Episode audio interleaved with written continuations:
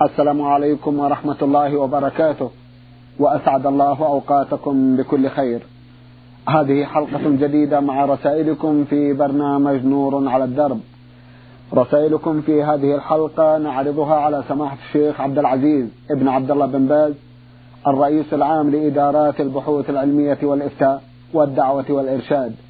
مع مطلع هذه الحلقة نرحب بسماحة الشيخ ونشكر له إجابة السادة المستمعين فأهلا وسهلا بالشيخ عبد العزيز. حياكم الله وبارك.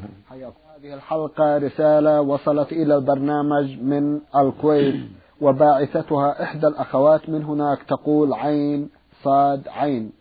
أختنا لها مجموعة من الأسئلة.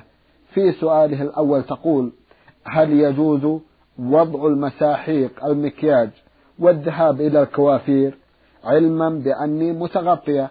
وأرتدي اللباس الشرعي وذلك في الحفلات والأعراس علما بأنه لا يوجد رجال في العرس ولا في الكوافير. صوالين الحلاقة. أرجو التكرم بتوجيهنا. جزاكم الله خيرا. بسم الله الرحمن الرحيم. الحمد لله وصلى الله وسلم على رسول الله وعلى آله وأصحابه ومن اهتدى بهداه. أما بعد فما يتعلق بالمساحيق هذا شيء فيه تفصيل. إن كانت هذه المساحيق أشياء مباحة ليس فيها محذور ولا تؤثر ضررا على المرأة في وجهها فلا بأس. أما إن كانت مساحيق من أشياء مسكرة أو أشياء تضر الوجه وتسبب فيه رقعا سودا أو أشياء تضر المرأة فإنها لا تجوز. لقول النبي صلى الله عليه وسلم لا ضرر ولا ضرار. فالمؤمن والمؤمنة كلاهما لا يجوز لهما أن يتعاطيا شيئا يضرهما لا في الوجه ولا في غيره من البدن. فإذا كان هذا المكياج الذي هو مساحيق ينور الوجه ولا يضره بشيء وليس من مادة محرمة فلا حرج في ذلك. أما الذهاب إلى الكوافير هذا أمر خطير ولا ينبغي الذهاب إليها ولا ينبغي فتح هذا الباب لأنه قد يترتب عليه شر عظيم وإضاعة أموال وربما صار وسيلة إلى شر كثير نعم نعم. وفساد عظيم. نعم نعم. إذا تولاه من لا يؤمن فالحاصل أني, أني أنصح بعدم فتح الكوافير وبعدم الذهاب إليها. وأن كل امرأة تكتفي بما جرت به العادة في بيتها مع أهلها وأخواتها وأمها ونحو ذلك ولا حاجة إلى الكوافير ولا ينبغي فتح الكوافير ولا ينبغي للدولة السماح بذلك. لأن هذا يترتب عليه أخطار عظيمة. نسأل الله للجميع الهداية والعافية. اللهم آمين. جزاكم الله خيرا. اذا تنصحون الأخوات بعدم الذهاب إلى هذه المحلات؟ نعم. ننصحهن أن لا يذهبن إليها. وأن تكتفي المرأة في بيتها بما جرت به العادة من إصلاح نفسها بالغسل والنظافة وطريقة الناس في تعديل الشعر وتصليح الشعر بما جرت به العادة فيما بينهن. طيب. وقد أغنى الله الأول عن هذا ولم يحتاجوا إلى كوافر نعم نعم. جزاكم الله خيرا. أختنا تسأل وتقول سمعت حديثا شريفا معناه أنه يأتي زمن تتحدث فيه عذبة الصوت إلى صاحبها وتحدثه عذبة صوته وتخبره بما أحدث أهله من بعده. ما معنى عذبة الصوت؟ وأرجو تفصيل الحديث وشرحه. نعم نعم. جاء هذا الحديث بإسناد جيد رواه الترمذي وغيره أن لا تقوم الساعة حتى يكلم الرجل فخذه بما صنعه أهله وحتى تكلم الرجل وحتى يكلم تكلم الرجل عذبة صوته بما صنعه أهله. وعذبة الصوت طرف الصوت.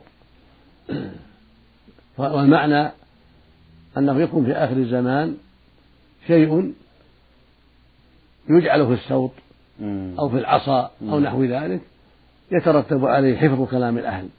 وذلك المسجلات التي وقعت الآن هي من هذا الباب. وقد تجعل في الصوت قد تجعل في العصا وقد تجعل في شبه ساعة في البيت نعم. صغيرة وقد يجعلها الإنسان في عضده. أو في فيحفظ كل شيء. أو في الأقلام. كل هذا كل هذا واقع. نعم نعم. فإذا جعل المسجل في محل في البيت عند أهله وحول أهله سجل عليهم كل ما يقولون. وأما الفخذ فقد أخبر به النبي صلى الله عليه وسلم وسيقع. لا نسمع به الآن ولكنه في آخر الزمان يقع ما أخبر به النبي عليه الصلاة والسلام.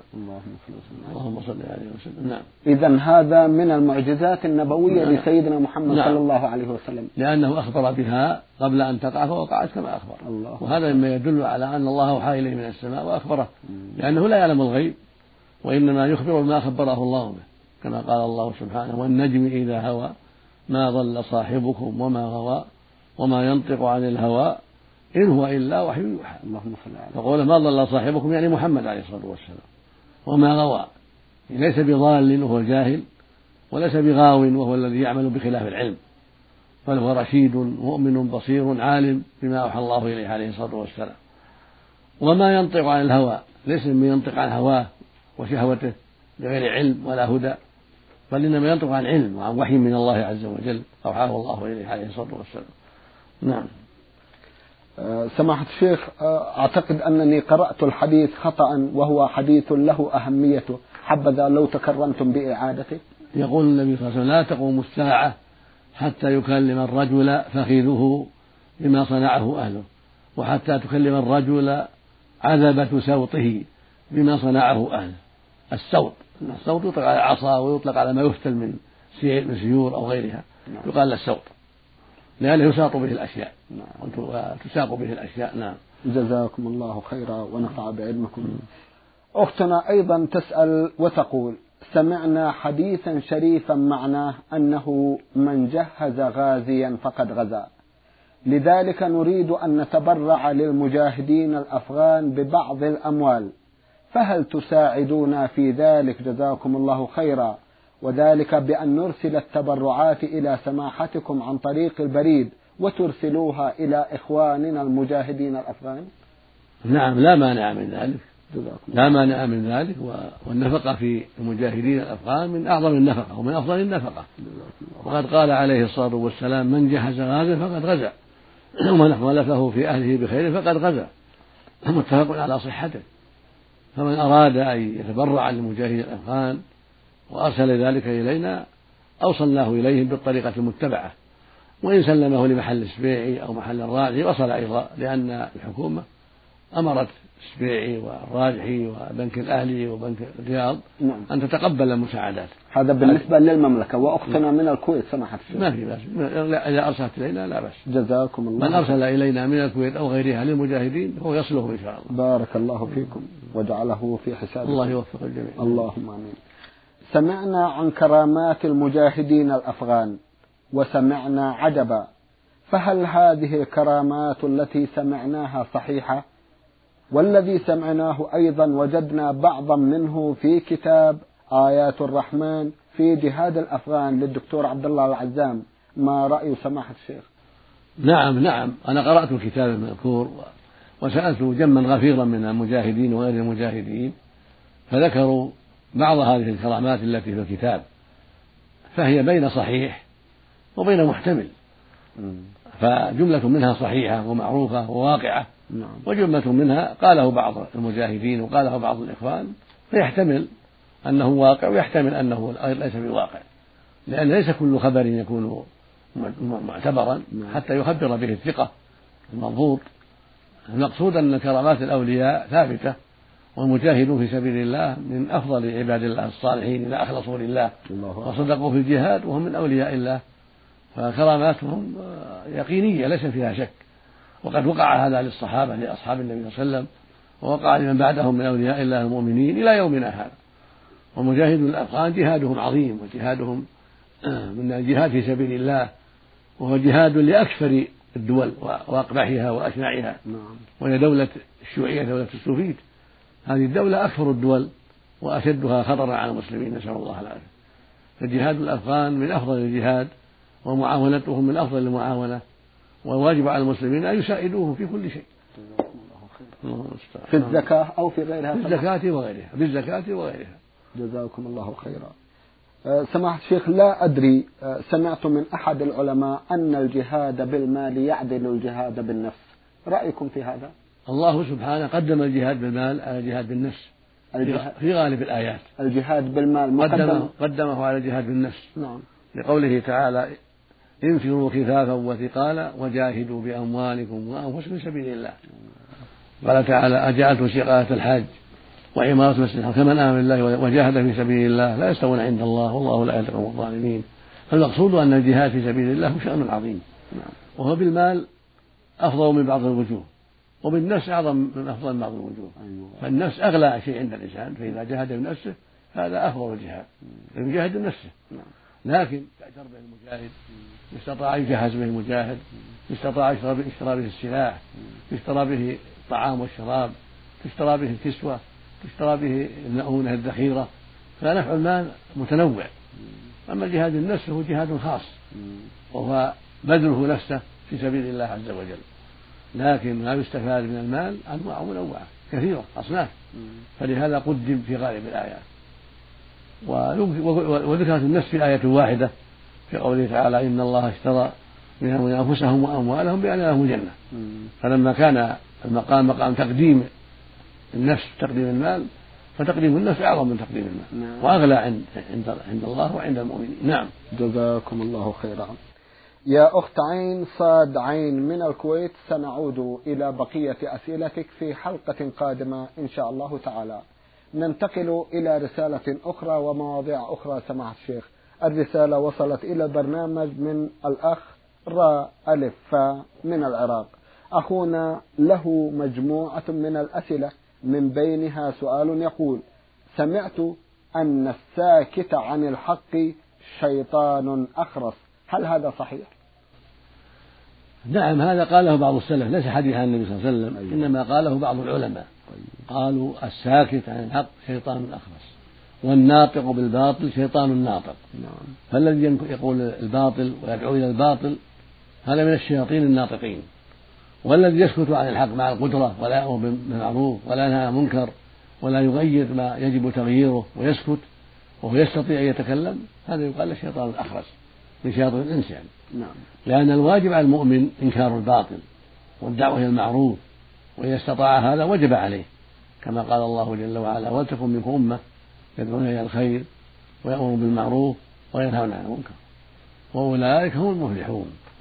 وقال سبحانه والمؤمنون والمؤمنات بعضهم أولياء بعض يأمرون بالمعروف وينهون عن المنكر وقال النبي صلى الله عليه وسلم إن الناس إذا رأوا المنكر فلم يغيروه أوشك أن يعمهم الله بعقابه.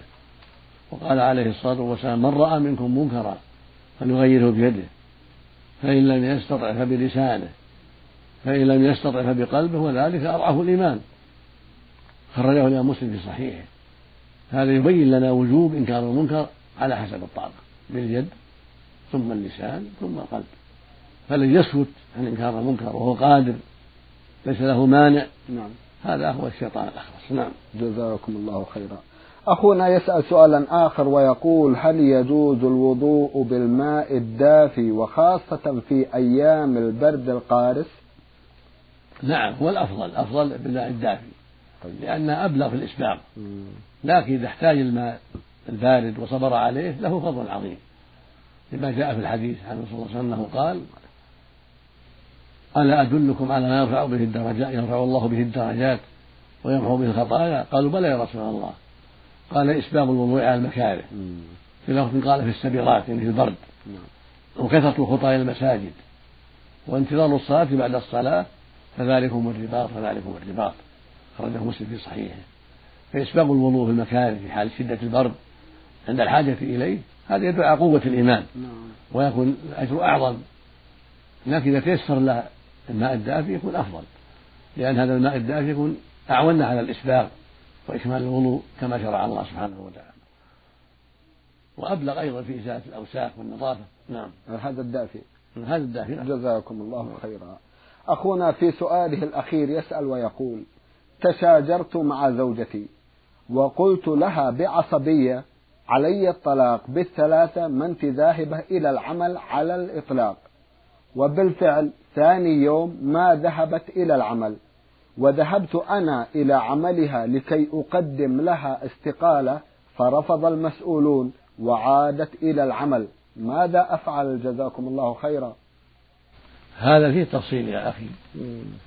إن كان المقصود من كلامك هذا منعها من العمل وليس قصدك إيقاع الطلاق وإنما أردت تهديدها وتخويفها لعلها تستجيب.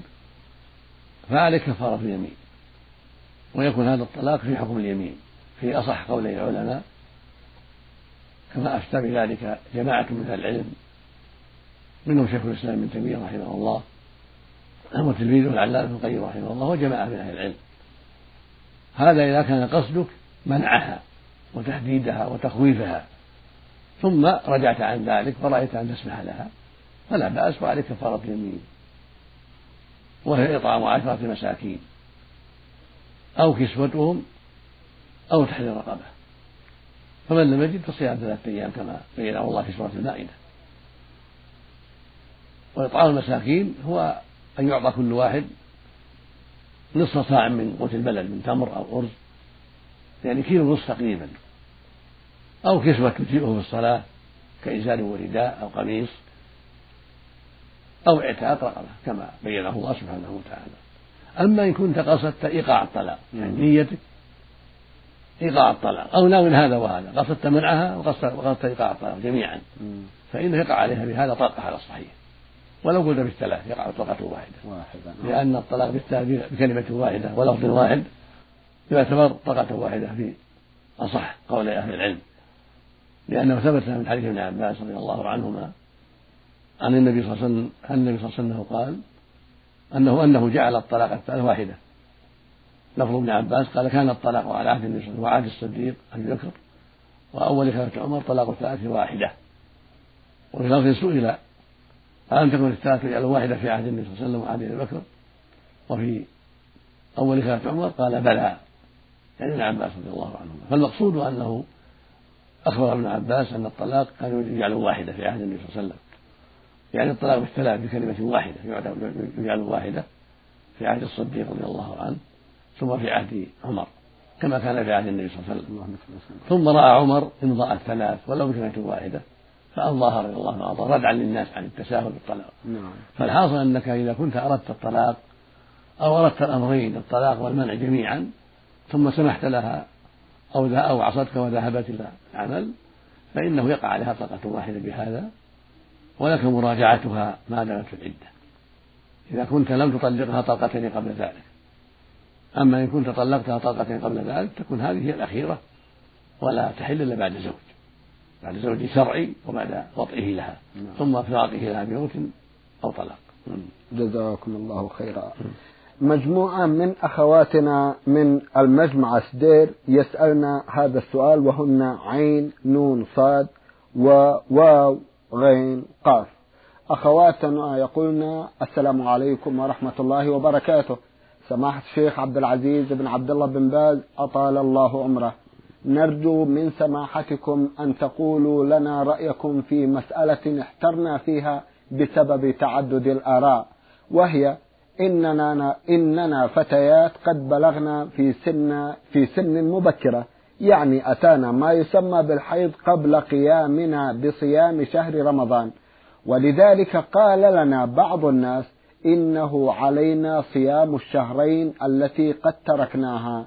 نرجو توضيح هذه المسألة ولكم الجزاء والثواب من عند الله والدعاء منا. نعم نعم. عليكن أن تصمن ما تركتن صياما من رمضانات التي مضت. وليس في هذا خلاف بين أهل العلم بل هذا أمر مجمع عليه أن المرأة إذا لم تصم بعد بلوغ الحيض فإن عليها القضاء. فعليكن القضاء لجميع الأيام التي أفطرتن فيها في الرمضانات الماضية التي بعد حصول الحيض بعد حصول الدورة الشهرية لأن الحيض تحصل, تحصل يحصل به البلوغ. فإذا تركت المرأة الصيام بعد الحيض فإن عليها القضاء. إذا كانت مسلمة عليها القضاء وعليها إطعام مسكين عن كل يوم عن كل يوم نصف من التمر أو الأرز أو غيرهما من قوت البلد. لأنها أخرت ذلك طويلا. إذا أخرت القضاء حتى جاء رمضان آخر فإنها تقضي وتطعم عن كل يوم مسكينا. وهكذا الرجل لو أفطر في مرضه أو في سفره ثم أخر القضاء بعد عاشرته وبعد قدوم السفر حتى جاء رمضان آخر عليه القضاء مع إطعام مسكين عن كل يوم وذاك نصف صاع من قوت البلد. مقداره كيلو ونصف تقريبا من قوت البلد. نعم. من تمر أو أرز أو حنطة أو شعير أو زبيب حسب قوت البلد. نعم. بارك الله فيكم. مع التوبة والاستغفار مع التوبة والاستغفار. هذا إذا كان المقصود السؤال عن آه، أيام الواحدة منهن أي فترة الحيض فقط. لكن الذي يظهر لسماحة الشيخ أن الأخوات لم يصمن رمضانين كاملين. هذا هو الله عليهن يصمن رمضان جميعا.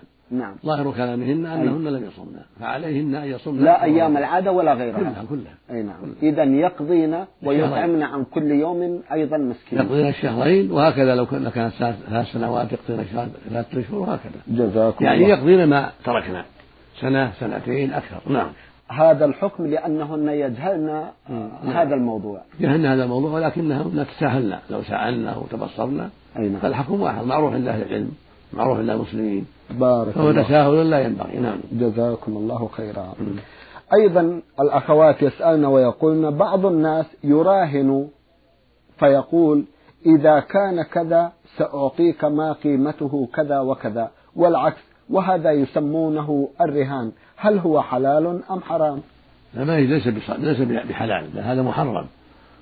هذه مراهنة من باب القمار من باب الميسر الذي قال الله فيه سبحانه إنما الخمر والميسر والأنصاب والأزلام رجس من عمل الشيطان فاجتنبوه لعلكم تفلحون. والميسر هو القمار وهو مثل ما إن كان كذا فكذا وإن كان كذا إن كان فلان جئ فلك كذا وإن كان ما جاء فعليه كذا. إن كان فلان كذا إن كان هذا اللي معك ذهب أو حجر أو كذا على على حسب ما يختلفان فيه. المقصود مثل هذه المراهنات تعتبر من جملة الميسر من القمار. يقول النبي صلى الله عليه وسلم لا سبق إلا في نصر أو خف أو حافر. والسبق العوض يعني لا عوض إلا في سبق لا عوض إلا في نصر لا عوض إلا في نصر أو خف أو حافر يعني في الرمي وفي المسابقة في الخيل وفي المسابقة في الإبل.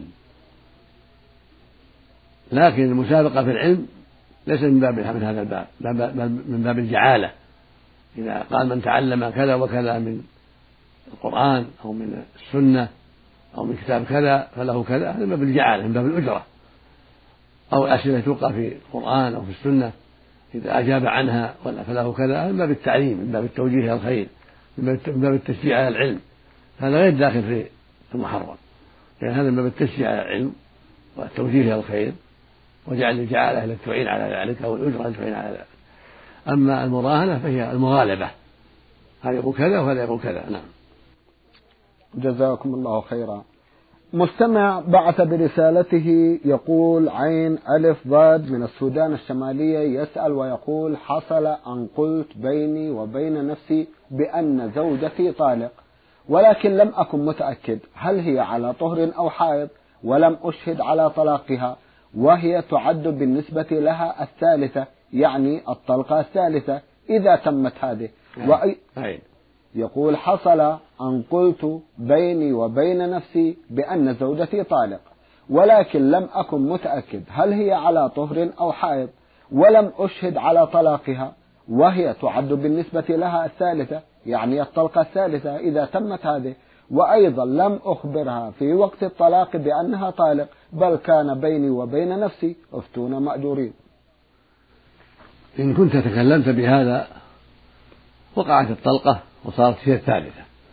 والإشهاد ليس بشرط لوقوع الطلاق إنما هو شرط في فعل السنة والأخذ بالسنة. فإذا كنت تكلمت بهذا بينك وبين نفسك فإنها تقع الطلقة الثالثة وتحرم عليك حتى تنكح زوجا غيرك لأنك قد طلقتها طلقتين سابقتين. حسب ما ذكرت في سؤالك. أما إن كان هذا وقع في نفسك من باب الخواطر ومن باب العزم والنية وليس لفظا فهذا لا يقع. لقول النبي صلى الله عليه وسلم إن الله تجاوز عن أمتي ما حدث فيها موسى ما لم تعمل أو تكلم. فإذا كنت ما تكلمت ولكن نويت أن تطلق عزمت أن تطلق حدثت نفسك من دون كلام بلسانك فإنه لا يقع. أما إذا كنت تكلمت باللسان قلت أن طالق أو زوجتي طالق فإنها تقع الطلقة وتحتسب عليك ثالثة. نعم. جزاكم الله خيرا. رسالة وصلت إلى البرنامج من أحد الإخوة المستمعين من مقديشو في الصومال يقول أحمد إبراهيم علمي فيما يبدو. أخونا بدأ رسالته بقوله أعزائي الكرام السلام عليكم ورحمة الله وبركاته. وبعد يسرني ويسعدني أن أسطر إليكم خطابي هذا والذي هو أول خطاب مني إليكم.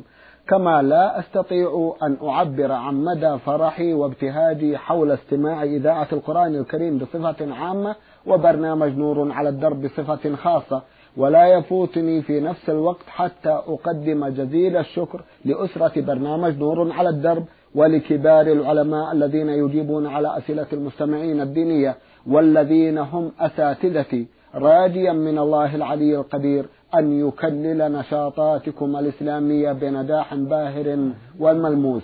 أعزائي الكرام أطلب أن تعرضوا هذا السؤال على سماحة الشيخ عبد العزيز بن باز.